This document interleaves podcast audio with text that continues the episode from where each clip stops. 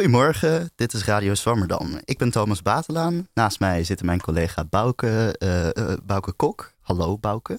Hallo Thomas, goedemorgen. Uh, goedemorgen. En columnist Sikko de Knecht. Hey, goedemorgen. Jij ook, goedemorgen. En onderzoeker Marietje Pijman. Pijmans, wat fijn dat je er bent. Goedemorgen Thomas, dankjewel. je studeerde Nederlandse filosofie aan de Universiteit van Amsterdam en doseerde ethiek aan de Universiteit van Green, Greenwich. Greenwich, ja. Ja, Greenwich. En uh, je was laatst ook mijn docent bij een vak over cultuurkritiek. Uh, en je publicaties zijn best wel wijd. Je, ze strekken zich zeg maar uit van Foucault tot Vondel. En uh, ja, Nederlandse filosofie, hoe kom je daar eigenlijk terecht? Is dat bij wijsbegeerte of bij Nederlands? Of... Ik heb Nederlands en filosofie gestudeerd. Oh, hè? Dus niet Nederlands filosofie, maar Nederlands en filosofie. Maar mijn proefschrift ging over historische Nederlandse letterkunde, Vondel. Maar daar heb ik dan wel hedendaagse filosofie in betrokken. Ah ja, heel leuk. Ja, dus Foucault en Vondel, dat was eigenlijk één project samen. Ja, heel mooi. Dus je brengt eigenlijk het heden en het verleden bij elkaar. Ja, dat is het idee. Ja, heel mooi. Uh, en uh, nu doe je onderzoek naar uh, koloniale kritiek uit de 17e eeuw. kun je daar wat over vertellen? ja, hoe ik er terecht ben gekomen bijvoorbeeld. Ja, doe maar. Nou, ik, in mijn proefschrift naar teksten van Vondel uh, kwam ik er heel snel achter dat uh, het verleden heel erg veelstemmig is. Eigenlijk net als het heden. Er woonden allerlei verschillende mensen in het verleden en die hadden allemaal verschillende meningen. En met name als je kijkt naar literaire teksten, waar veel ruimte is voor ambiguïteit, uh, klinken heel veel van die verschillende meningen of discussies door in zo'n tekst. Zelfs als die auteur dat zelf niet per se op het oog heeft, dan nog hoor je aan de manier waarop die dingen formuleert, dat hij zich verzet tegen bestaande meningen of, um, ja, of dat er toch door woordkeus bepaalde discussies doorklinken in zijn verhaal. Um, en op die manier kun je als literatuuronderzoeker eigenlijk een hele discussie uit het verleden laten zien. En het idee bestaat op dit moment, bijvoorbeeld over de 17e eeuw, dat er een vrij monotoom uh, idee bestond over het kolonialisme en ook over slavernij. Namelijk het idee dat dat discours in die tijd bepaald werd door de handelsmaatschappijen, de investeerders. Dat waren natuurlijk ook hele machtige instanties. Maar als ik naar literatuur kijk over dat soort onderwerpen, dan zie ik dat er ook heel tegenstrijdige meningen in naar voren komen. Um, en dat wil ik gaan uitwerken. Ik wil gaan laten zien dat er in de 17e eeuw verschillende meningen bestonden over kolonialisme. En dus ons beeld dat bestaat over de 17e eeuw, dat dat niet helemaal klopt. Dat dat genuanceerd moet worden. Ah ja, en uh, hoe ga je dat aanpakken? Hoe ga je dat aanpakken? Uh, nou, ik sta nog vrij aan het begin van het onderzoek. Ik heb eigenlijk uh, vier casussen gekozen. Vier uh, gebeurtenissen in verschillende Nederlandse koloniën in de 17e eeuw. Die heel veel ja, opspraak veroorzaakt hebben. Mm -hmm. Bijvoorbeeld de Benda Massacre. Of volkerenmoord in de Banda-eilanden in 1621. Uh, op het moment dat, dat daar is dus uh, Koen is daar, uh, heeft daar de, de, leiding over gehad. Jan Pieterszoon Koen. Jan Pieterszoon Koen, ja. ja. En die heeft ja, een groot deel van de bevolking van het eiland uit laten moorden. Hmm, ja, dat was ehm, waarschijnlijk niet uh, super positief ontvangen door uh, de meeste Nederlanders. Nou, is je dat ziet heel anders? aan de berichtgeving al die vanuit de VOC, want het nieuws kwam natuurlijk via de VOC uh, naar Nederland, dus zij hadden ook veel controle over dat nieuws. Je ziet dat zij in de nieuwsberichten al proberen excuses te bedenken voor waarom het op die manier is verlopen. Ze Hmm. zeggen dat ze zich moesten verdedigen tegenover de Engelsen en de Portugezen. Uh, ze, ze, ze, maken het aantal uh, moorden kleiner, laten ze kleiner lijken. Dus je ziet al dat ze inderdaad niet trots zijn op wat er daar gebeurd ah, ja, is. Maar vervolgens zie je ook dat literaire auteurs dan weer, zoals bijvoorbeeld Vondel, die berichtgeving, die dan vaak in pamfletten gebeurde, uh, herhalen. En ook een beetje parodiëren in de zin van uh, dat ze laten zien dat, die, dat ze die berichtgeving niet vertrouwen. Mm. En ook dat ze die berichtgeving gebruiken tegen mensen die, in die, die betrokken waren uh, bij die gebeurtenis. Ah ja, je noemt nu Vondel. En uh, wat voor tekst van Vondel is dat dan? Ik ken eigenlijk alleen maar ja, Gijsbrecht van Amstel. Dat volgens mij niet super politiek... of misschien wel. extreem politieke tekst. Oh, ja, goed. Alles ja, wat dat... Vondel heeft geschreven. Vondel is echt een extreem politieke auteur. Daarom is hij ook zo leuk om te bestuderen. Oh, wel grappig, want zo, zo heb ik hem natuurlijk niet op de middelbare school gehad. Ik heb hem vooral gehad als schrijvende, rijmende uh, toneelstukken die, uh, die eigenlijk niet echt, die eigenlijk niet meer heel spannend zijn om te lezen voor een middelbare scholier. Mm. Maar ik heb helemaal niet ingezien dat dat super politiek is. Dat is precies hoe eigenlijk in Nederland op dit moment uh, discours over de 17e eeuw werkt. Het wordt heel sterk gedepolitiseerd. Dus een extreem politieke schrijver als Vondel, die bij ieder politiek debat meteen erin sprong en dingen ging roepen waar iedereen de haren van te bergen rezen. En ook heel vaak tegenstrijdige dingen. um, die wordt in onze tijd gepresenteerd als een groot kunstenaar, bijna een soort alsof zijn werken autonoom waren, als kunst functioneerde in de 17e eeuw. In de 17e eeuw was er nog helemaal niet een kunstbegrip zoals we dat nu hebben, of een literatuurbegrip. Uh, literatuur was juist bij uitstek heel erg uh, ja, vermengd met politieke, wetenschappelijke, uh, sociale discoursen. Um, dus het is heel typisch dat jij Vondel krijgt inderdaad als een heel apolitieke auteur, terwijl hij dat juist niet was. En dat is eigenlijk helemaal hoe onze kijk op de 17e eeuw bepaald wordt. Ook qua kunst. Hè? Dat, we, dat er nu mensen laten zien dat er heel veel uh, zwarte mensen in schilderijen staan. die gewoon nooit opgemerkt zijn. Die in musea-catalogie niet eens worden beschreven. Wauw, heel ja. super interessant. Ga ja. je eigenlijk ook. Uh, je gaat dus teksten van Vondel gebruiken. Uh, heb je specifieke voorbeelden van welke teksten je gaat gebruiken? Nou, de tekst die ik, waar ik nu aan refereerde, dat is het Lof der Zeevaart. Die is verschenen in 1623, dus twee jaar na die Bender Massacre. Um, en om een voorbeeldje te geven, daarin um, valt Vondel Koen aan. Maar dat Lof der Zeevaart is geschreven, dus is een lofdicht, voor een beschermheer van Vondel die uh, het ook wel aan de stok had met Koen. Die Hmm. ook in Oost-Indië had gewerkt en daar was ontslagen door uh, nou ja, de politieke fractie waar Koen deel van uitmaakte. Um, en Vondel neemt het dus voor die persoon op en dat doet hij door Koen aan te vallen. En heel vaak wordt dus gezegd van die lof der zeevaart... ja, het lijkt wel alsof daar kritiek in zit op kolonialisme... maar Vondel doet dat alleen maar omdat hij gewoon zijn beschermheer naar de mond wil praten... en daarom valt hij Koen aan. Eigenlijk had hij helemaal geen probleem met kolonialisme. Maar mijn argument is dan... hoe kun je iemand aanvallen met kritiek op kolonialisme... als iedereen dat die kritiek niet zou aanvoelen. Want dan zou je iemand daar niet zwart mee kunnen maken. Ja, inderdaad. Ja. En het gebeurt volgens mij ook heel subtiel. Hij gebruikt niet echt. Uh, hij zegt niet Jan Pieterszoon Koen is, uh, is uh, niet oké, okay, maar hij gebruikt wat meer omvloerste taal daarvoor.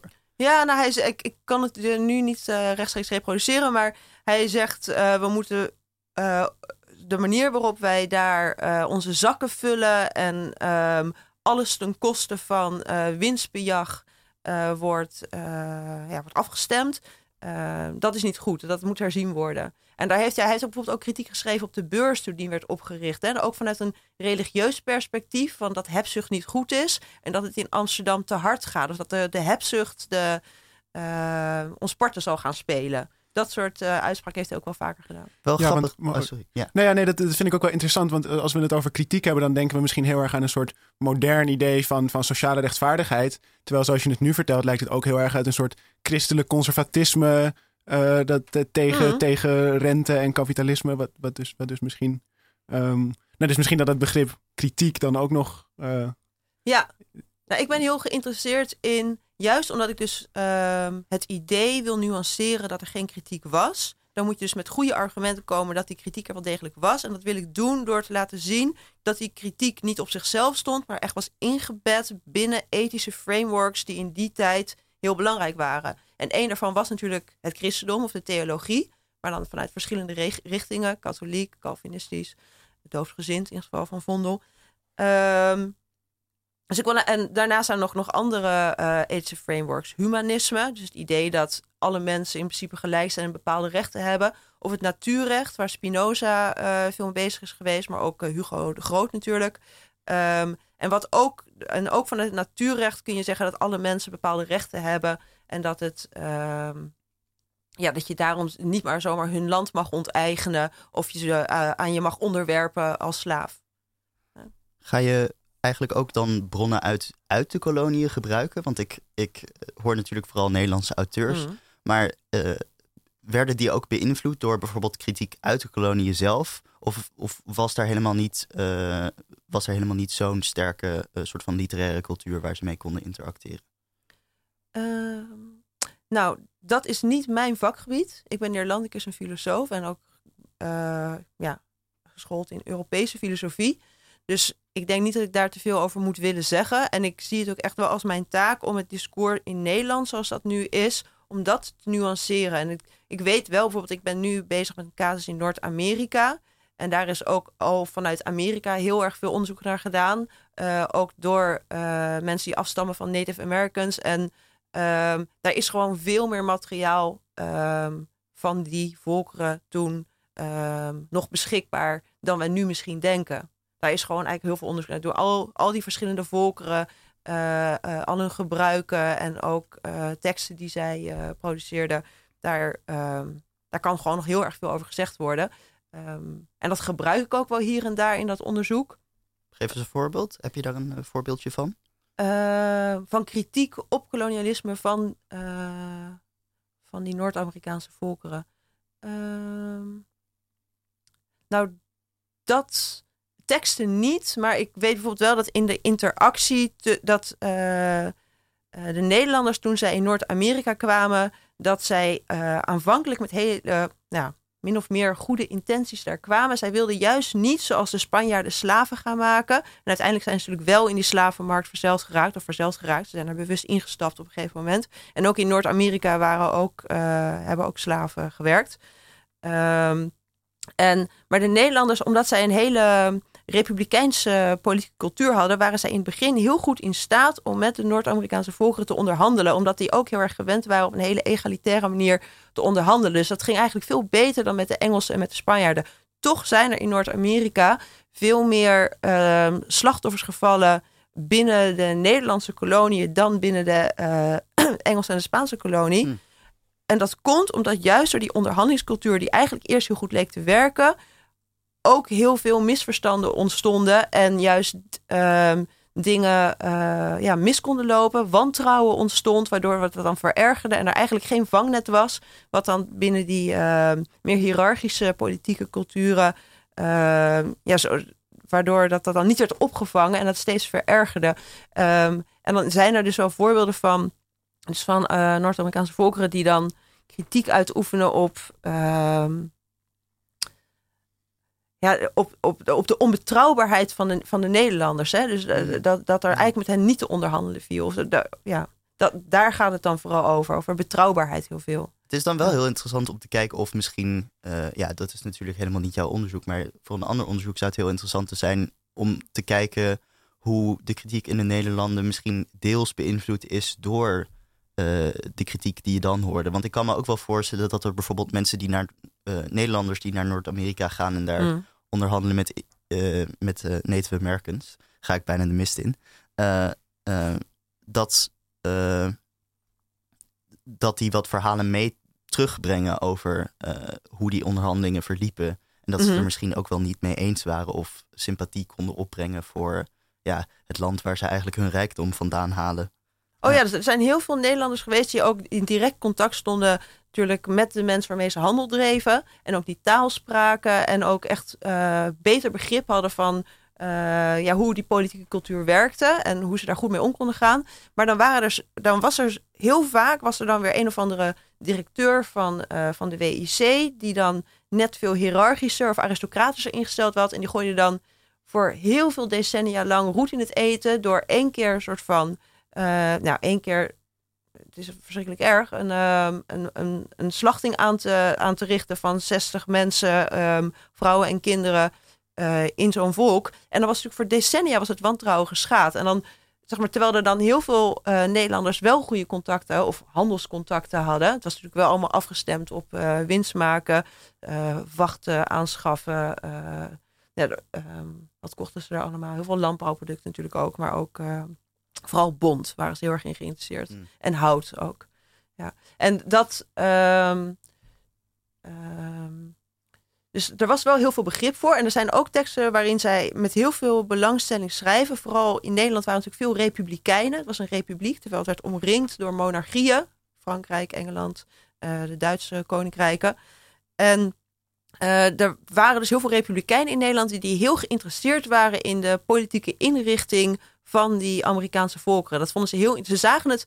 Ze werden ook eh, door sommige mensen naturellen genoemd. Met het idee dat ze een soort van basisvorm eh, leverden. Ze ons lieten zien hoe een menselijke samenleving eh, wat een natuurlijke wijze van organisatie daarvoor was. En zij, ze zagen dan ook wel Europa als een soort van gedegenereerde, gedegenereerde versie daarvan. Oh, wauw. Ja, dus Ja. in die zin Oh, hadden dus ze ook niet wel als een begrip. vervolmaking of zo van de samenleving, maar echt als een degeneratie. Nou ja, precies. Ze, ze zagen juist ook wel in Europa, door, vooral door die eh, godsdienstoorlogen die daar zo, die werden echt als een gigantisch probleem eh, ervaren in de 17e eeuw. Ehm, Natuurlijk, ja. ja, Ja. uiteraard. En ze, en ze zagen dan die. Ze, ze hadden echt het idee dat dat ook kwam door dat soevereinen, dus eh alleenheersers, dus zoals de paus, keizers, koningen, ehm, dat die eigenlijk ja, Europese volkeren konden manipuleren om voor hen te laten vechten. En eh, religie daar ook voor gebruikte om mensen te manipuleren. Dit, was echt, dit is specifiek Spinoza die dat zo ziet. En, ehm, en ze, dan zijn er mensen die in die, in die eh, Amerikaanse eh, samenlevingen, dat egalitaire aspect daarvan zien zij als een oplossing. Want daar is dus geen soevereiniteit volgens hen. Er zijn geen leiders die in hun eentje kunnen beslissen van nu komt er een oorlog. Alles zou in groepsverband worden bediscussieerd. Nou denk ik wel dat die Europese beschrijvingen van die eh, Amerikaanse volken vaak heel gekleurd zijn door de politieke ideeën die die mensen hebben. En dan passen ze eigenlijk die, wat ze aantreffen in Amerika binnen hun ideaalbeeld van een samenleving. Dus ze gebruiken, ze projecteren eigenlijk hun ideeën op die samenleving. Dus ze gebruiken die samenleving ook een beetje in dat opzicht. Ja, wel interessant dat het dan inderdaad echt een soort voorbeeld wordt van een soort, ja, eh, zij noemen het dan na- naturelle, maar in de, ja, ik kom zelf uit de muziekwetenschap en in het begin van de 20ste eeuw krijgen mensen dan ineens heel veel aandacht voor gamelan muziek uit Indonesië. Mm. En dan gaan componisten als Debussy gaan dan inderdaad ook zeggen over de, moder over, eh, de muziek in die tijd, de Europese muziek in die tijd, dat die eh, decadent en gedegenereerd en eh, een soort circusmuziek is volgens mij het woord wat hij gebruikt. Eh, en dan die gamelan muziek die staat dan symbool voor een soort van heel pure, onaangetaste muziek, waardoor je eigenlijk. Ja, waardoor Ja. je, ja, inderdaad. Maar waardoor je dus inderdaad ook een soort van, ja, dan krijg je associaties met primitiviteit of onontwikkeldheid. En dan krijg je dus wel een soort weerslag op die volkeren, alsof zij een soort van. Het lijkt, het is, lijkt een soort heel romantisch beeld. Hè? Een soort Ja, heel escapistisch erg, of ja. terug, naar, terug naar de natuur, terug naar het verleden. Ehm, nou speelde dit natuurlijk aan het einde van de 17e eeuw. Eh, dus echt de opkomst van de verlichting. Dus het- je moet het niet helemaal in een romantisch kader Hmm. zien, zoals eh, de Nederlanders dan de Amerikaanse volkeren beschreven. Maar meer als ja, een soort verlichtingsideaal. Hè? Van eh, een bevrijding van autoriteiten. Ja. Ah, ja. Dat- Dat ze dat zagen en dat die autoriteiten dus dat ze dat niet zo sterk aantroffen in, ehm, eh, in de Amerikaanse volkeren. Dat is trouwens ook nog wel interessant te noemen. Er zijn ook wel Amerikanen naar Europa geweest. En wat, dat heeft Montaigne al herhaald. En daar wordt, wat wordt ook steeds naar terugverwezen door Nederlandse auteurs. Dat vinden ze heel interessant. Dat die mensen hier kwamen en dat ze zeiden: we kunnen ons niet voorstellen hoe groot de verschillen tussen mensen zijn in de Europese samenleving. En dus dat er, koning, dat er zelfs kinderen zijn die koning zijn en die baden in wilde. Terwijl voor hun paleis op de trappen liggen de mensen eh, zeg maar eten te verzamelen en te bedelen om eten. En dat dat in één samenleving kan gebeuren, dat begrepen zij niet. Dus dat, dat is wel iets dat heel vaak herhaald werd. Ja, het is natuurlijk een tijd waarin heel veel wordt nagedacht over staatsinrichtingen en over hoe je dat opnieuw Ja. kunt na Natuurlijk de Franse revolutie die er zeg maar eh, binnen eh, Afzienbaar, twee ja. eeuwen, Ja. ja, een eeuw. Ja. een eeuw ja, gaat, gaat gebeuren. Dat, dat komt natuurlijk zeker wel ergens vandaan. Ja. Om even samen te vatten wat we nu hebben gehad. Eigenlijk heb je eh, eh, misschien dan één stroom van informatie vanuit de regering over wat er gebeurt dan bijvoorbeeld op de Banda-eilanden. Wat het dan allemaal een beetje goed praat of eh, ja, een soort van ja, ja, goed, goed Nou, praat niet er is zozeer de staat-generaal hoor. Het zijn vooral de handelscompagnieën en de investeerders. Nou waren veel investeerders ook weer betrokken in politiek. Dat was natuurlijk het mooie van de VOC. Hè? Dat mensen Ah, ja, konden en ja. aandelen hebben en in de politiek werken. En dan konden ze alles mooi op elkaar afstemmen. Ja, want de VOC had ook Ja. het, het, inderdaad het recht om oorlog te verklaren. Wat volgens mij helemaal niet, een, eh, niet iets is wat een bedrijf tegenwoordig eh, Unilever, zou die gaat het mogen, ja. binnenkort doen hoor. Unilever, ja, Nee. eh, nou, laten we het niet hopen. Maar goed, je hebt dus die, inderdaad, dus, dan heb je dus de stroom vanuit de handelscompagnieën, de informatie. Alleen, natuurlijk komt daar op de een of andere manier kritiek op. En dan, je hebt natuurlijk een heel ander verhaal van mensen die dan daarheen zijn geweest. Of die verhalen hebben gehoord van hoe het daar staat. En dat Mhm. het eigenlijk helemaal niet zo allemaal zo prima is. En daar ontstaat een soort botsing tussen. Was er ook eigenlijk, ja, sch- schrijvers gaan dan ook over schrijven. En bijvoorbeeld Vondel gaat erover schrijven. Hoe, eh, hoe werd dat ontvangen? Of was er eigenlijk eh, werd dat opgepikt? Wa- wa- Was er een soort, was het controversieel is eigenlijk wat ik probeer te Mm. vragen, denk ik. Ehm, ja, dat is, dat is receptieonderzoek. Dus ke- onderzoeken hoe teksten worden ontvangen door tijdgenoten. Dat is gewoon heel erg moeilijk voor, ehm, voor, voor het verleden sowieso. Het is in onze tijd al moeilijk, maar in die tijd is het, is heel moeilijk om, te, om achter te komen wat lezers in die tijd ergens van vonden. Sowieso is het heel moeilijk om erachter te komen wat iemand ergens van vindt. Want waar ga je naar kijken? Ga je dan kijken naar wat ze expliciet zeggen? Of ga je zeggen naar wat ze dieper eh, onbewust ergens van vinden? Hè? Zelfs in onze tijd zou je daar misschien een psycholoog bij nodig hebben of zo. Dus dat, dat is ook niet wat ik doe. Wat ik doe is ik kijk wat zit er überhaupt in zo'n tekst? Wat kunnen mensen in die tijd erin gelezen hebben?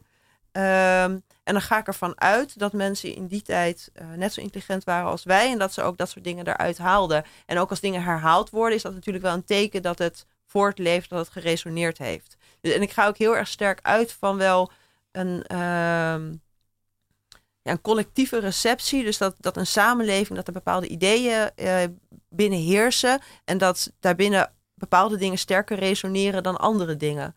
Mm. Ehm, maar wat je, ik heb wel het gevoel dat het spreken over, eh, of kritiek uiten over het kolonialisme, omdat het in de 17e eeuw niet heel expliciet gebeurt. En in de 18e eeuw krijg je echt stukken waarin echt op het titelblad van teksten heel duidelijk wordt vermeld: dit gaat een kritische tekst over slavernij of over kolonialisme zijn.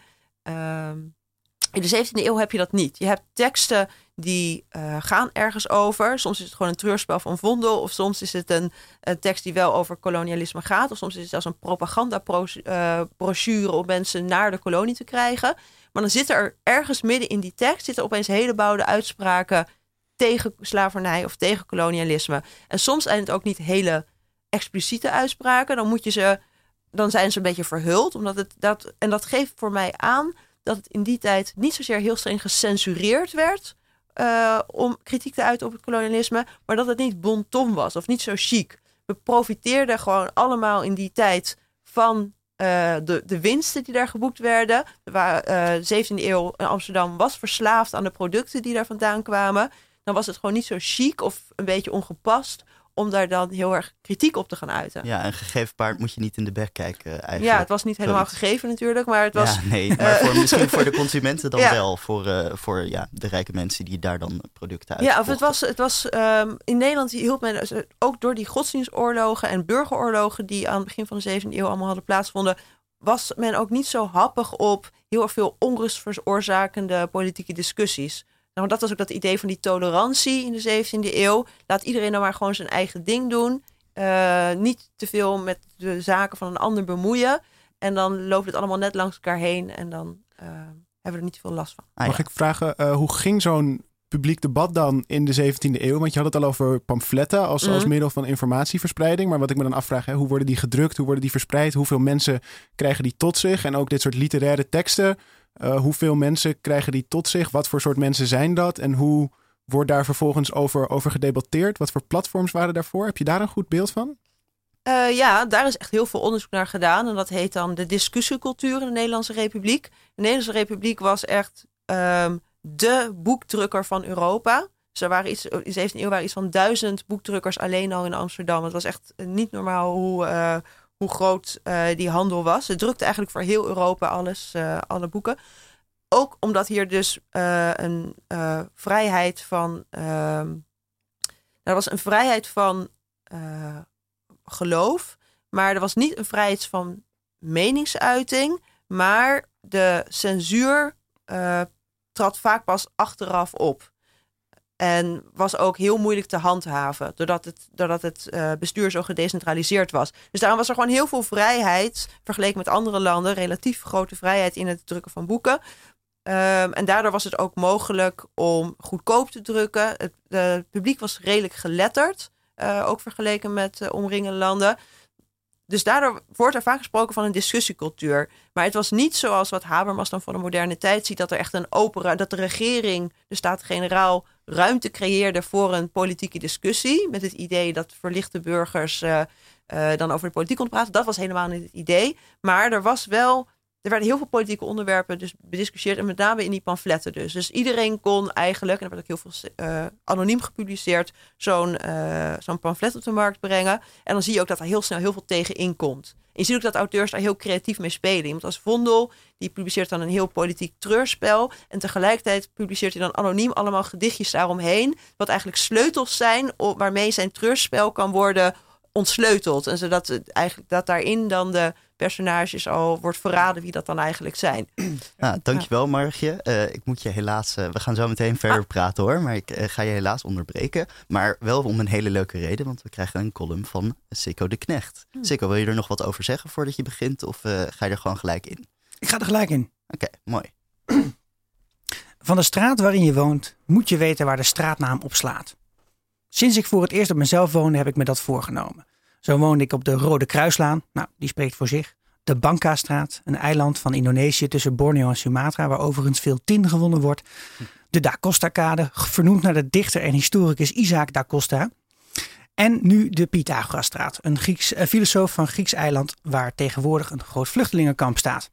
Ja, je leert er altijd weer wat van, hè, van zo'n straatnaam.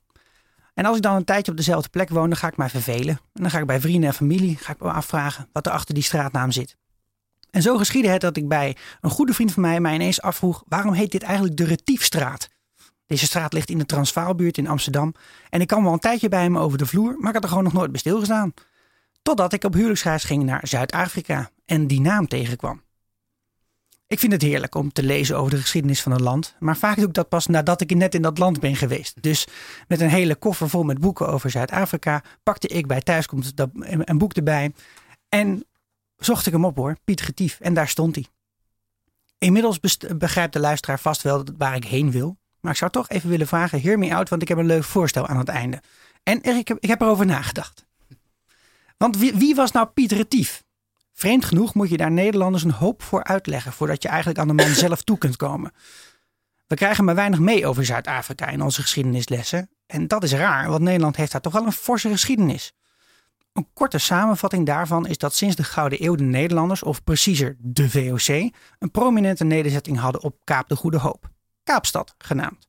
De territoria tot in een straal van duizend kilometer in de buurt, de Kaapkolonie genoemd, werden in de eeuwen daarna stuk voor stuk geannexeerd op de daar reeds levende Khoisan en de Kosa. Vele van hen werden tot slaaf gemaakt. Toen in 1794 de Fransen Nederland binnenvielen, zagen de Britten zich genoodzaakt om dit strategische punt op de Kaap niet ook in Franse handen te laten vallen. En vielen ze de Kaapkolonie binnen en brachten het onder Brits gezag. Na nog wat verdragen en wat oorlogen namen de Britten in het begin van de 19e eeuw wat uitgebreider de intrek op de Kaap en begonnen het gebied onder Brits recht te brengen. Dat alles zinde de Zuid-Afrikaners of boeren maar niets. Toen de Britten in 1834 de slavernij afschaften, raakten de boeren ineens het leeuwendeel van wat zij zagen als hun kapitaal, de tot slaafgemaakten, die raakten ze kwijt. En toen was de maat vol. 12.000 van hen pakten hun biezen en trokken weg in karavanen om hun geluk elders te zoeken, oostwaarts. Het heette de Grote Trek. Deze boeren noemden zichzelf voortrekkers en op hun expedities richting het oosten en later in het noorden vloeide er nogal eens wat bloed. De inheemse volken lieten de vreemdelingen namelijk niet zomaar toe in hun contraien en de verhoudingen waren binnen de kortste keren verstoord. Het zijn de namen van de leiders van deze expedities, wiens naam nog vaak prijkt op de naambordjes in Zuid-Afrika. Ik ben er doorheen gereden, het plaatsje Piet Retief. Het stelt niet zoveel voor. Het ligt op een uurtje rijden van Amsterdam, de grootste plaats ten noorden ervan. en uh, Retief was een van de eerste zes voortrekkers. En hij en zijn honderd kompanen vonden in de buurt van Piet Retief de dood toen hun nogal dreigende verdrag, wat zij voorstelden aan de Zulu, in verkeerde aarde viel bij koning uh, Dingane van de Zulus. Op de voor de hand liggende vraag of er in de wat later de Boerenrepubliek is gaan heten nu slavernij was of niet, is overigens geen gemakkelijk antwoord te vinden. Ik stap nu even uit mijn tekst. Grappig genoeg omdat daar dus weinig Nederlandse teksten over zijn. Vooral veel Zuid-Afrikaanse teksten die mensen tegenwoordig amper nog kunnen lezen omdat ze grammaticaal of letterkundig heel slecht in elkaar steken. En bovendien zijn ze allemaal van boeren. En niet van de inheemse volkeren natuurlijk. In een vrij recent artikel van Fred Morton dat ik erover kon vinden, stelt de auteur wel dat dit er wel degelijk was, die slavernij. Maar, de enige, uh, maar werd het vaak anders genoemd dan slavernij. Maar werd het bijvoorbeeld uh, studenten genoemd of iets in die richting. Kijk, ik vind het allemaal best interessant. Jullie ook niet? Je leert er nog eens wat van als je een straatnaam opzoekt. Maar nadat ik dit had opgezocht, vond ik een 19e eeuwse Afrikaanse voortrekker nou niet per se de meest voor de hand liggende figuur om een straat naar te vernoemen. En eerlijk gezegd zou ik me er zelf niet zo heel senang bij voelen om in die straat te wonen. Toch wonen sommige mensen wel in een straat wiens naamgever bepaald niet van onbesproken gedrag is. Maar het is heel erg moeilijk om een straatnaam te veranderen. In Amsterdam moet je daarvoor uiteraard bij een commissie zijn. De commissie Naamgeving Openbare Ruimte. En die wijzigt zelden een naam. De laatste die ze hebben gewijzigd is de Stalinstraat. Dat werd de Vrijheidlaan overigens. De commissie is zoals ze in 2016 tegen het parool zeiden toen Denk in hun verkiezingsprogramma zette dat ze straatnamen wilden gaan veranderen, vooral uit op naamsbehoud. En dat moet anders, vind ik. Een straat vernoem je niet naar iemand die je niet aardig vindt. Het is zelfs een enorme eer om een straat of een plein naar je vernoemd te krijgen. En zo'n onthulling van een straatbordje is dan meer dan eens aanleiding voor een zeer treurige buurt, buurtborrel. Mensen moeten zich kunnen identificeren met degene die op het schild gehezen wordt. Of toch in vredesnaam weten wie het is die op de hoek van de straat een prominente plek gekregen heeft. Daarom stel ik voor een nieuw bindend referendum in te voeren. Binnen de Nederlandse gemeente. Op straatniveau. In elke straat waar minstens 10% van de bewoners een stemming aanvraagt, wordt allereerst een informatieavond gehouden in het buurthuis. En daar wordt gesproken over de persoon, groepering, gebeurtenis waarnaar de straat is vernoemd. En kunnen de bewoners in gesprek over wat zij daar dan van vinden. Een week later, moet een beetje op de, hè, de tijdgeest inspelen, is de stemming. En er zijn maar twee opties. Je kunt of veranderen of behouden. En bij een meerderheid voor veranderen verzint de gemeenteraad een nieuwe naam. De verwarring die dit veroorzaakt door de postbode zal overigens heus wel meevallen. We hebben immers ook nog gewoon de postcode. Dit was live vanaf de Piet Heinkade in Amsterdam, Sikko de Knecht. Oh, mooi. Heel mooi einde. Ja, super prikkelende column natuurlijk. Uh, een onderwerp waar we ja, veel over wordt gediscussieerd. Ja. Uh, heel interessant dat, dat referendum, dat je daar maar twee opties geeft. Want ik hoor ook wel eens in mijn contraien de optie dat je de straatnaam behoudt, maar het op zo'n manier inricht of het tot een soort schandpaal maakt. Ja. Waardoor je dus niet ontkent dat er ooit een straat naar vernoemd is, wat op zich wel interessante informatie is. Uh, dat hebben wij als land of onze voorouders ooit op een schild gehezen. Maar dat je daar dan heel bewust van gaat afkeren. Ja. En, uh, maar ja, dan staat het er natuurlijk nog wel. Precies. Heel ingewikkeld. Ja, en zoals ik zei, ik heb erover nagedacht. Want uh, ik vind dat een, een, oplossing die wel logisch is bij bijvoorbeeld um, plekken die echt een hele prominente plek hebben uh, betekenis hebben gehad. Hè. Het muurtje van Mussert is er zo eentje. Die, dat is een, uh, een, een, muur waarvanaf de Nederlandse fascisten elkaar toespraken. En dat is tegenwoordig, staat het op een camping ergens uh, in, in, Gelderland of zo. Um, maar die muur hebben ze behouden en dan gaan ze niet meer restaureren. Zetten ze een bord naast, dit is de muur van Mussert. maar dat, dat vind ik wel te begrijpen, omdat het ook echt een plek was waar mensen samenkwamen en uh, het is daar gebouwd of het is, het is geappropriëerd daarvoor. Maar zo'n straat, dat is, ja, er is ook gewoon maar een keer een beetje sneu commissie van de gemeente die namen heeft bedacht. Soms zijn er zelfs wedstrijden om straatnamen te verzinnen. Dat, dat, ja, er wordt gewoon even iemand zo van, nou, dit vinden we wel een inspirerend figuur of dit vinden we een interessante gebeurtenis. Daar vernoemen we dan even naar. En dat is dan helemaal conform de tijdgeest. Maar ook heel erg conform de tijdgeest is dat plaatsnamen, straatnamen, huisnamen, schoolnamen, ziekenhuisnamen gewoon de hele tijd veranderen. En straatnamen op een of andere manier hebben een soort van heilige uh, bescherming of zo gekregen. Namelijk in de vorm van deze commissie, die zeer behoudend is in Amsterdam dan. Dat ik denk, nou, dat, uh, dat mag wel anders. En het leuke lijkt mij hier aan is dat je ja, burgers toch ook wel meer weer betrekt bij de democratie. En ook een soort, ja, ik vind een beetje een PvdA-idee om te zeggen, je leidt ze een beetje op, maar je, je geeft ze ook een beetje een inkijkje in hun geschiedenis, die ze dus in dit geval op uh, de middelbare school. Ik heb het in ieder geval niet gehad. Ik was echt stom verbaasd toen ik door Zuid-Afrika heen ging en ik kwam erachter wat Nederlanders daar allemaal wel niet hadden gedaan. Ik was echt helemaal flabbergasted. Dus dit lijkt me wel een leuk opleidingstraject. Ja, mij ook wel, uh, moet ik zeggen. Uh, Margje, wat vind jij ervan? Van het uh, wel of niet benoemen, hernoemen van straatnamen. Ja. Hmm. ja, is natuurlijk wel weer wat anders dan de taal. Ik ben er wel altijd een heel groot voorstel van, voorstander van dat in de taal uh, begrippen veranderen. Hè? Zoals wat vroeger dan allochtoon werd genoemd. En dat dan nu dan, uh, of nieuwe Nederlanders. Of dat daar steeds nieuwe woorden worden bedacht. Die dan, waardoor ook de discussie over dat soort moeilijke onderwerpen uh, steeds op gang wordt gehouden. Dus in de, taal, in de taal vind ik daar geschikt voor. Die, die, die kan je voortdurend veranderen.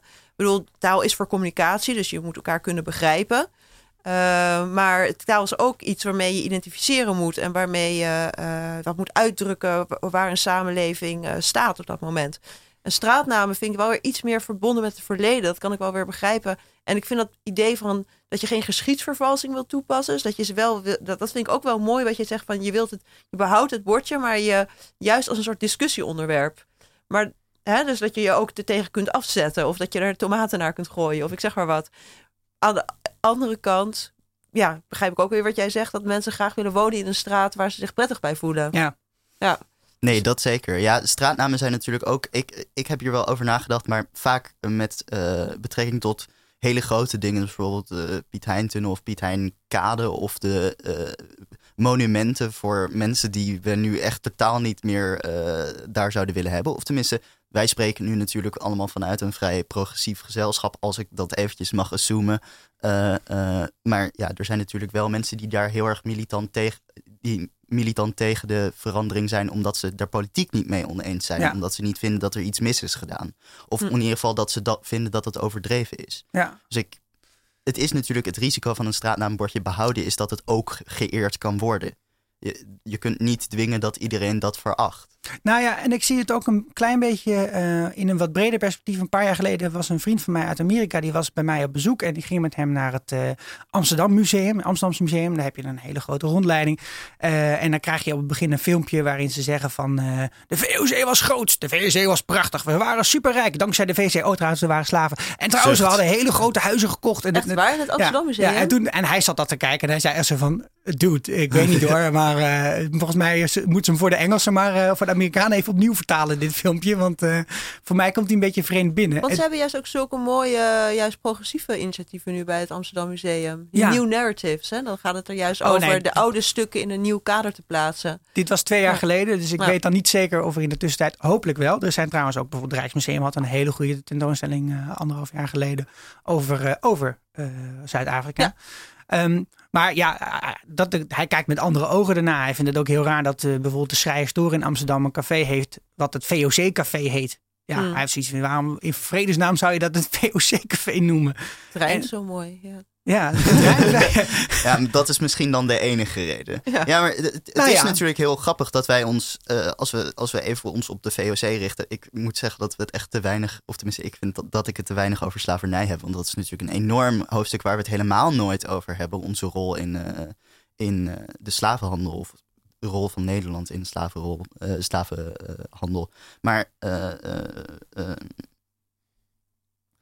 eh, ah, nu ben ik mijn punten een beetje kwijt. Maar goed. eh, Ja, het is wel grappig dat je slavenhandel zegt. Hè? Want dat is, eh, volgens mij zegt Gloria Wekker dat ook in haar boek White Innocence. Zegt ze van, ja, in Nederland heb je niet dezelfde manier van praten over slavernij als in bijvoorbeeld de Verenigde Staten. Omdat wij in Nederland nooit slaven hebben gehad. En de, wij, wij- er was ook wel slavenhandel, maar dat deden Nederlanders dan vooral vanuit de West-Indische Compagnie richting eh, de Amerika's. Maar op de plantages in Indonesië en ook Kaapstad waren echt best wel veel slaven. Ja, en dat hoorde natuurlijk ook gewoon bij Dat was allemaal part ja. of the deal. En de, de, de grootste reden natuurlijk dat Nederlanders op ka- de kaap waren gaan zitten, de VOC, was dat daar water viel op de Tafelberg. En daar kon je dan wat verbouwen en water meenemen voor de reis naar eh, de oost.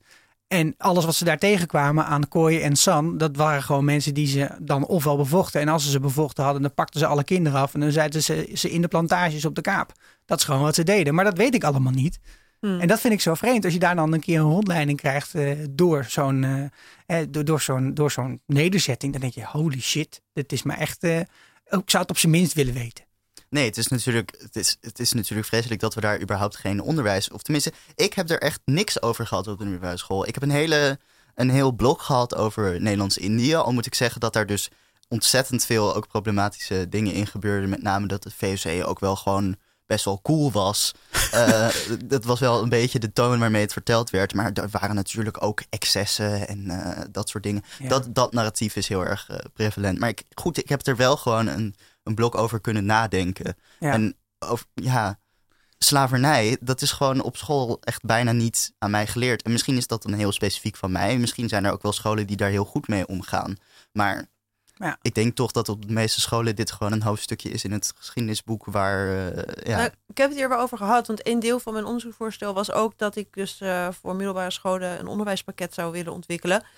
Ehm, en het blijkt dus dat sinds 1993 slavernij een verplicht onderdeel is in het geschiedenisonderwijs op alle Nederlandse middelbare scholen. Maar door de tijdsdruk voor het tentamen, en voor het examen, dat soort dingen, dat het heel erg ook aan de docenten is hoeveel ze daarmee doen. En dan blijkt dat als je kijkt naar vooral in de Randstad, waar eh, dit soort onderwerpen veel meer eh, ja, aan de oppervlakte zijn, ook omdat er gewoon veel meer mensen met verschillende huiskleuren in de eh, klaslokalen zitten. Ehm, dat, dat daar redelijk veel aandacht aan wordt besteed.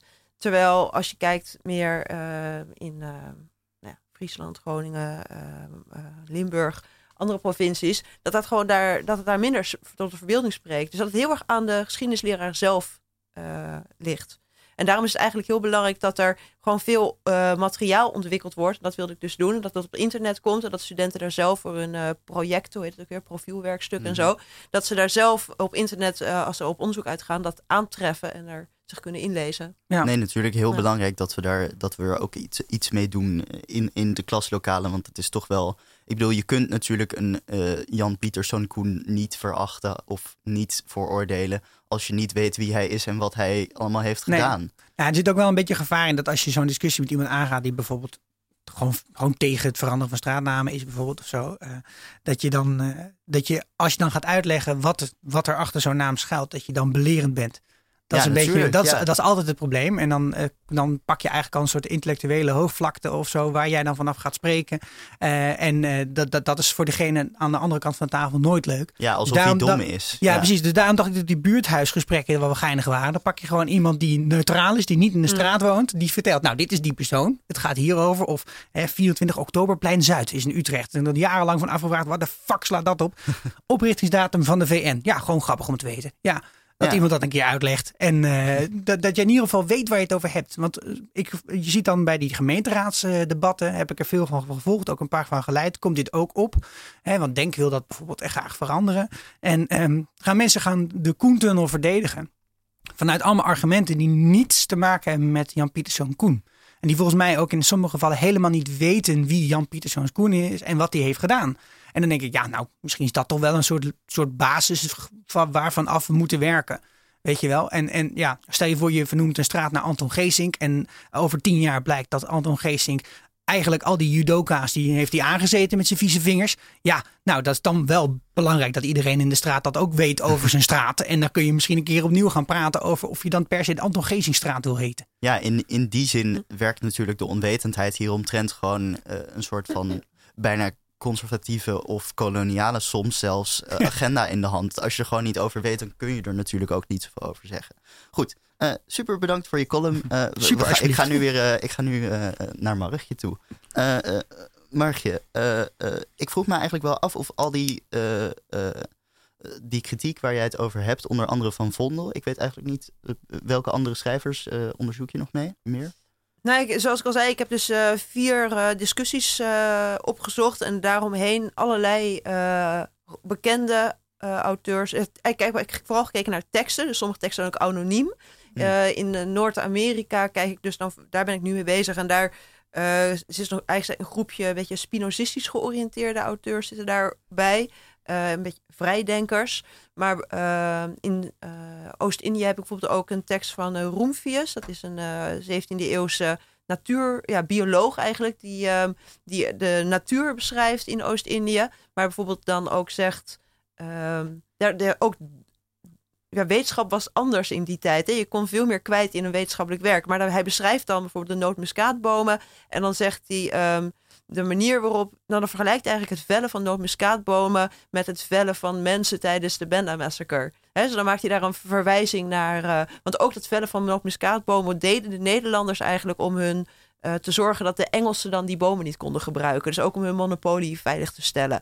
En dan zie je dus er heel veel politieke eh, beweringen zitten in een biologische of natuurwetenschappelijke tekst. Heel, het is Ja. heel sprekend ook. Het is een heel eh, eh, ja, visueel beeld natuurlijk. En het, het is heel krachtig. Ja. Eh, had dat ook politieke gevolgen? Deden die schrijvers iets in de publieke sfeer ermee? Of bleef het echt binnen de, binnen de Republiek der Letteren? Ja, dat is, dat is weer de Republiek der Letteren, die bestond natuurlijk wel. Maar zoals ik al zei, er was niet een literair veld zoals we dat nu hebben. Dus iets kon niet in het literaire veld Ah ja, blijven oké, hangen. Dus het moest wel. het was eh, ja. sowieso was het eh, on the street. Maar hoe het, ehm, hoe het werd ontvangen door mensen, dat, dat kun je niet zo goed zeggen. Je kunt alleen zien dat er soms verbanden worden gelegd tussen teksten. Dus dat de ene auteur naar een andere auteur verwijst. En dat vind ik eigenlijk hele belangwekkende en, en mooie tekens. Want het betekent wel dat die mensen zich verbonden met elkaar voelen en ja, verbanden probeerden aan te gaan. Ehm, ja, zoals hoe heet ze ook, uh, Rosie Braidotti ook wel zegt, don't agonize, organize. Dat waren dus mensen die gingen niet bij de pakken neerzitten bij hun kritiek en boos in een hoekje van, oh de VOC is zo alles overheersend en sterk, we kunnen hier niks veranderen. Maar die dus echt gingen proberen om hun kritiek te organiseren en sterker te maken door bij andere mensen ehm, ja, steun te zoeken. Ah ja, dus, je, dus je kunt wel zeggen dat het, uh, dat het in ieder geval een soort kiem of een begin is van uh, wat later veel explicietere kritiek wordt, met name bij, ja, we kennen allemaal Max Havelaar, uh, maar ook in andere pamfletten misschien. Ja, ik weet niet of je dat zo letterlijk kunt doortrekken. Hm. Maar je ziet wel dat de auteurs die ook in de 17e eeuw al werden aangehaald door Nederlandse auteurs. Zoals ik al zei, alles werd in Nederland gedrukt. Dus men was heel goed op de hoogte van Europese liet uh, werken, teksten. En in Spanje had je La Casas gehad, die ook kritiek had gehad op de Spaanse uh, slavernij en kolonialisme in Zuid-Amerika. Uh, Montaigne heeft een hele kritische tekst geschreven over, het gaat over kannibalen, maar eigenlijk vergelijkt hij daar de Europeanen met kannibalen. Of hij zegt eigenlijk, wat, wat we in Europa doen is niet zoiets heel anders dan wat, ze, wat die volkeren in Zuid-Amerika doen hij vergelijkt het met elkaar. Hmm. Um, dus er bestaan heel veel Europese kritische teksten. En je ziet dat daar in de 17e eeuw naar wordt verwezen. En in de 18e eeuw gaat dat door. Dus er is wel een soort. Er, er ontstaat wel een traditie uh, mensen weten waarnaar ze moeten verwijzen. En ze weten ook dat als er naar verwezen wordt, dat, je, dat er een bepaald discours uh, wordt geënterd. Dat ze een bepaald discours ingaan. Ja, er is een soort gesprek, een soort gesprek eigenlijk. Ja, er zijn codes. Wordt. Ja. ja, er zijn codes waarvan iedereen weet van oh, als je daarnaar verwijst, dan gaan we het daarover hebben. Eigenlijk ontwikkelen ze zo'n een soort taal en een bepaalde woorden om iets te beschrijven, zodat andere mensen iets, iets erin kunnen zeggen. Dus er was een heel sterk discours van propaganda door de VUC en de investeerders. En je ziet dat uh, dat in literaire teksten dat discours dus misschien niet altijd met letterlijke kritiek of expliciete kritiek, maar dat het ontregeld wordt. Dat er andere dingen gezegd worden, dat het tegenovergestelde wordt beweerd, uh, dat de, de, zaken worden omgedraaid. Dat soort van barokke spelletjes, de heeft nieuwe mm tijd van de barok, uh, zie je gebeuren met dat, uh, met het kolonialistische discours. Dus mensen spelen daarmee en proberen de perspectieven om te draaien, het anders te laten zien. Dus dat idee van other, othering, wat je heel sterk hebt later in de 18e en 19e eeuw. Hè, dus dat de, uh, die volkeren die worden aangetroffen in de koloniën, dat die geotherd worden, als vreemd worden gezien. En dat dat ook een soort van rechtvaardigt dat we op die, met die mensen op een andere manier omgaan dan met Europese mensen. Um, dat kun je dat, door dat soort perspectieven dan om te wisselen en juist ehm, eh, de witte mensen in de zwarte positie te brengen en andersom, mhm. kun je, uh, wordt er gespeeld, er wordt het flexibel gemaakt het denken en worden er vraagtekens geplaatst. Eigenlijk is er dan een, een echt een soort basteling uh, gesprek gaande. Het is best wel een heel actieve veld, deze kritiek. maar hoe, hoe komt het, denk je, dat, dat, dat we daar eigenlijk tegenwoordig zo weinig van weten? Um, nou, twee redenen. in het verleden uh, waren natuurlijk mensen mee bezig om die kritiek onschadelijk te maken. Want investeerders waren natuurlijk niet blij met uh, allerlei vormen van kritiek uh, over wat er in de kolonie gebeurde. Want ja, die wilden gewoon dat meer mensen gingen investeren. Dus al het nieuws wat daar vandaan kwam, moest goed zijn. Um, dus, en dat is gewoon ook een kenmerk van, van machtswerking. Die probeert die wil gewoon de status quo behouden. Dus die probeert eigenlijk alles wat dat in gevaar kan brengen, zoals kritiek, als marginaal, onschadelijk, onbelangrijk voor te stellen. Zodat in die tijd uh, was die kritiek, werd misschien door mensen al niet, waar, niet als zo waardevol gezien als ze misschien wel zou kunnen zijn. Maar ik denk dat ook in onze tijd dat, uh, dat wij nog steeds niet willen weten dat onze voorouders wisten dat ze dingen deden die ethisch gezien niet in de haak waren. Terwijl ze, ik wil laten zien, ja, ik wil laten zien dat we dat ze, uh, dat ze wel degelijk wisten dat, dat, dat dingen die gebeurden in de koloniën uh, niet oké waren of niet in overeenstemming met hun eigen ethische beginselen. Ja, dus uh, ja, op die manier, ik zei het al even, maak je die mensen op de een keer aansprakelijk voor hun acties. In plaats van dat je zegt, uh, dat ze het niet wisten. Ze hebben ja. het niet gewoest. Zijn ze opeens. Uh, ja, ja, dat is wel een beetje wat je doet. Als je zegt, ja, de bevolking wist er niks van. Ze konden er niks aan doen. Uh, dat is gewoon zijn loop gegaan. Dat is natuurlijk nog de vraag of de bevolking er iets van wist. Ik weet niet hoeveel Nederlanders er op dat moment echt goed konden lezen. Ja, en dat is natuurlijk nou, viel erg mee. Konden, die, die, die, het idee van die 17e eeuwse discussiecultuur in de Nederlandse Republiek is dat die veel beter toegankelijk was voor een grotere groep mensen dan in de mhm. omringende landen. En uh, dat ook dat er dus ook heel veel mondeling werd overgedragen, bijvoorbeeld. En het, normaal, nogmaals, het was een koloniale samenleving. Amsterdam ja, ik heb het nu even over Amsterdam in de 17e eeuw. Gewoon al het geld kwam daar vandaan. Ehm, als, er, als de schepen aanlegden in de haven, was er weer nieuw nieuws. Zoveel mensen hadden mensen die, uh, ik kende familieleden die daarin werkten, of, of die schepen, of in de oorlog. Of, dus dat, dat was echt een, een, een, een groot discours wat speelde. En daar waren Ja. mensen echt wel in geïnteresseerd wat, wat zich daar afspeelde. En dan daarnaast was er gewoon nog alle exotische belangstelling voor het andere, het vreemde, het nieuwe. Het was gewoon een hele nieuwe wereld opengegaan. Soms nog, sinds nog maar 100 jaar ongeveer. Ehm, het was natuurlijk waanzinnig interessant wat daar allemaal vandaan kwam. Dus als je in een soort havenstad woonde, dan kon je eigenlijk er niet aan ontsnappen. Want, omdat alles een beetje ermee gefinancierd werd en er steeds weer vloten binnenkwamen of eh, nieuws was. Ja, het, nogmaals, het is moeilijk om dat precies, om daar je vinger op te leggen. Maar ik denk wel dat, ehm, dat het gesprek over, eh, over de handel en over eh, waar dat geld vandaan kwam, dat dat wel degelijk, en dat zie je ook in pamfletten, dat er veel wordt gesproken over, over de koloniën. En ook gewoon in, in toneelstukken die over hele andere onderwerpen gaan, wordt dan opeens iemand vergeleken met iemand uit Mauritius. Of eh, weet je wel, het, is gewoon het, zoals nu ook, opeens wordt er dan verwezen naar hele andere plekken op de wereld om een soort van spannende vergelijking te maken of om een grap te maken of om iemand slecht weg te zetten. Dus ja, het zat in het collectieve bewustzijn. Ja, het, het is inderdaad interessant dat je die eh, ja, gevolgen voor ons beeld nu van die tijd eh, eh, van jouw onderzoek eh, noemt. Hmm. Want het, natuurlijk is het heel erg. Is het, verandert dat ons hele narratief van die tijd? Als, als iedereen.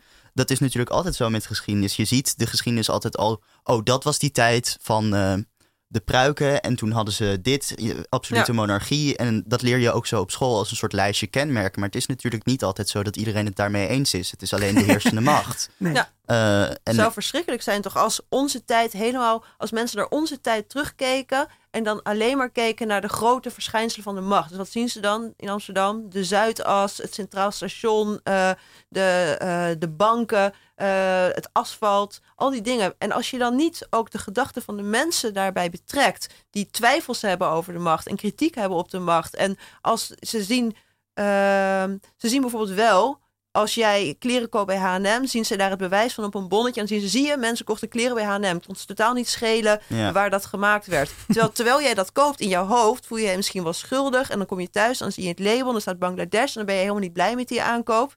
Dat zie je niet. Ja. En dat, maar dat soort ideeën kun je dus juist wel in literatuur vinden. Ja, heel mooi. Ja. En dat, die, dat soort ideeën zijn natuurlijk ook soms het begin van een soort uh, gesprek hierover. Want we hebben het op zich wel va vaak over uh, bijvoorbeeld de H&M en hoe vreselijk de omstandigheden ja. zijn van de mensen die de kleren maken. Uh, en misschien heeft dat op, dat durf ik nu niet te zeggen, maar misschien zwengelt dat ook een bepaalde ja, actie aan of zo. En misschien ook niet. Mm -hmm. Dan in dat geval is het natuurlijk wel de vraag of we dat bij de geschiedenis, of dat heel relevant is in de schoolboeken, dat mensen daar uh, bedachtzaam bij waren als er verder geen kiem lag? Of zie je dat hmm. anders? Ja, ik denk dus dat uh, wat dat betreft, dat er. Bedoel, je moet nooit proberen uh, het heden en het verleden op één lijn te zetten. Maar ik denk wel dat als je kijkt naar uh, dat in de 17e eeuw mensen ehm, in de kolonie, dat er dingen gebeurden die ingingen tegen de ethische beginselen die veel mensen hadden. En dat dat eigenlijk in onze tijd nog steeds zo is. Dat we weten dat er dingen gebeuren waar we het niet mee eens zijn. En waar we ook aan bijdragen. Bijvoorbeeld door vlees te eten. Daarmee steunen we de bio-industrie. Of door kleren te kopen bij, uh, bij H&M. Terwijl we weten dat die mensen onder erbarmelijke omstandigheden moeten werken. Um, en dat is iets wat je dus in alle tijden wel ziet. Dat dat, uh, en dat kan heel verlammend werken. Dat, dat kennelijk, terwijl mensen het niet willen, ze toch bijdragen aan systemen die ze, waar ze niet achter staan. Maar anderzijds um, vind ik het juist, als je de geschiedenis bestudeert, zie je alle historische veranderingen beginnen ergens. Die beginnen nooit met een heel groot concern of een grote institutie die zegt van nu gaan we even alles anders doen. Het begint altijd als, kleine ondernemers of in de literatuur of in de kunsten. Mensen die problemen aankaarten en die steun vinden.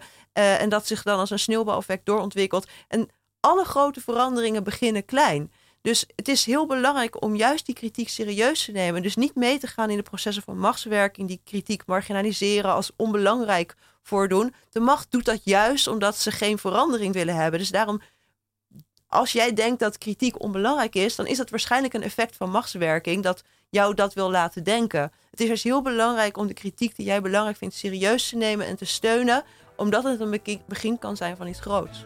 Ja, heel mooi. Ik denk dat het, dat heeft natuurlijk ook heel erg effect op hoe, je, uh, uh, hoe, hoe wij nu in het leven zouden moeten staan. Eigenlijk heeft jouw onderzoek hele grote ethische implicaties. Namelijk, je moet nooit zeggen dat je gevangen zit in, in de grote systemen, maar gewoon doen wat je kunt.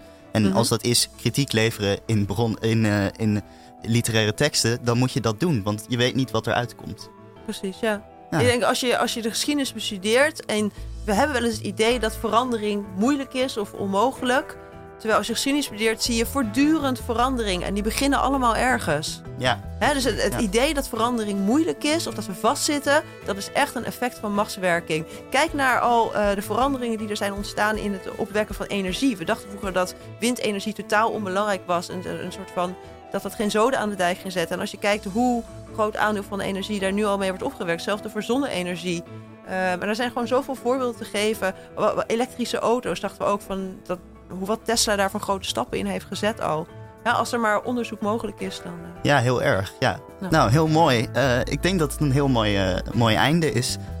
en de tijd, ik, ik, ik hoor de tune al lopen, dus de tijd is ook bijna voorbij, helaas. bedankt Margie Buijmans, uh, dat je even met mij praten. Ik vond het heel uh, verlichtend en interessant om hier op een andere manier over na te denken. Dankjewel Bouke voor je scherpe vragen tussendoor. En bedankt Sikko voor je prikkelende column uh, natuurlijk. En Geertje zat vandaag achter de knoppen. Haar kan je bedanken voor, voor de audio. Dankjewel Geertje. Um, wil je deze aflevering of andere afleveringen nog eens rustig terugluisteren, dan kan dat op radioswammerdam.nl of via Soundcloud, Apple Podcasts, Stitcher en sinds kort ook Spotify. Reacties kun je mailen naar redactie.radioswammerdam.nl of op onze pagina's op Facebook en Twitter. Um, mijn naam is Thomas Patelaan. Je luistert naar Radio Swammerdam. Nog een heel fijne zondag.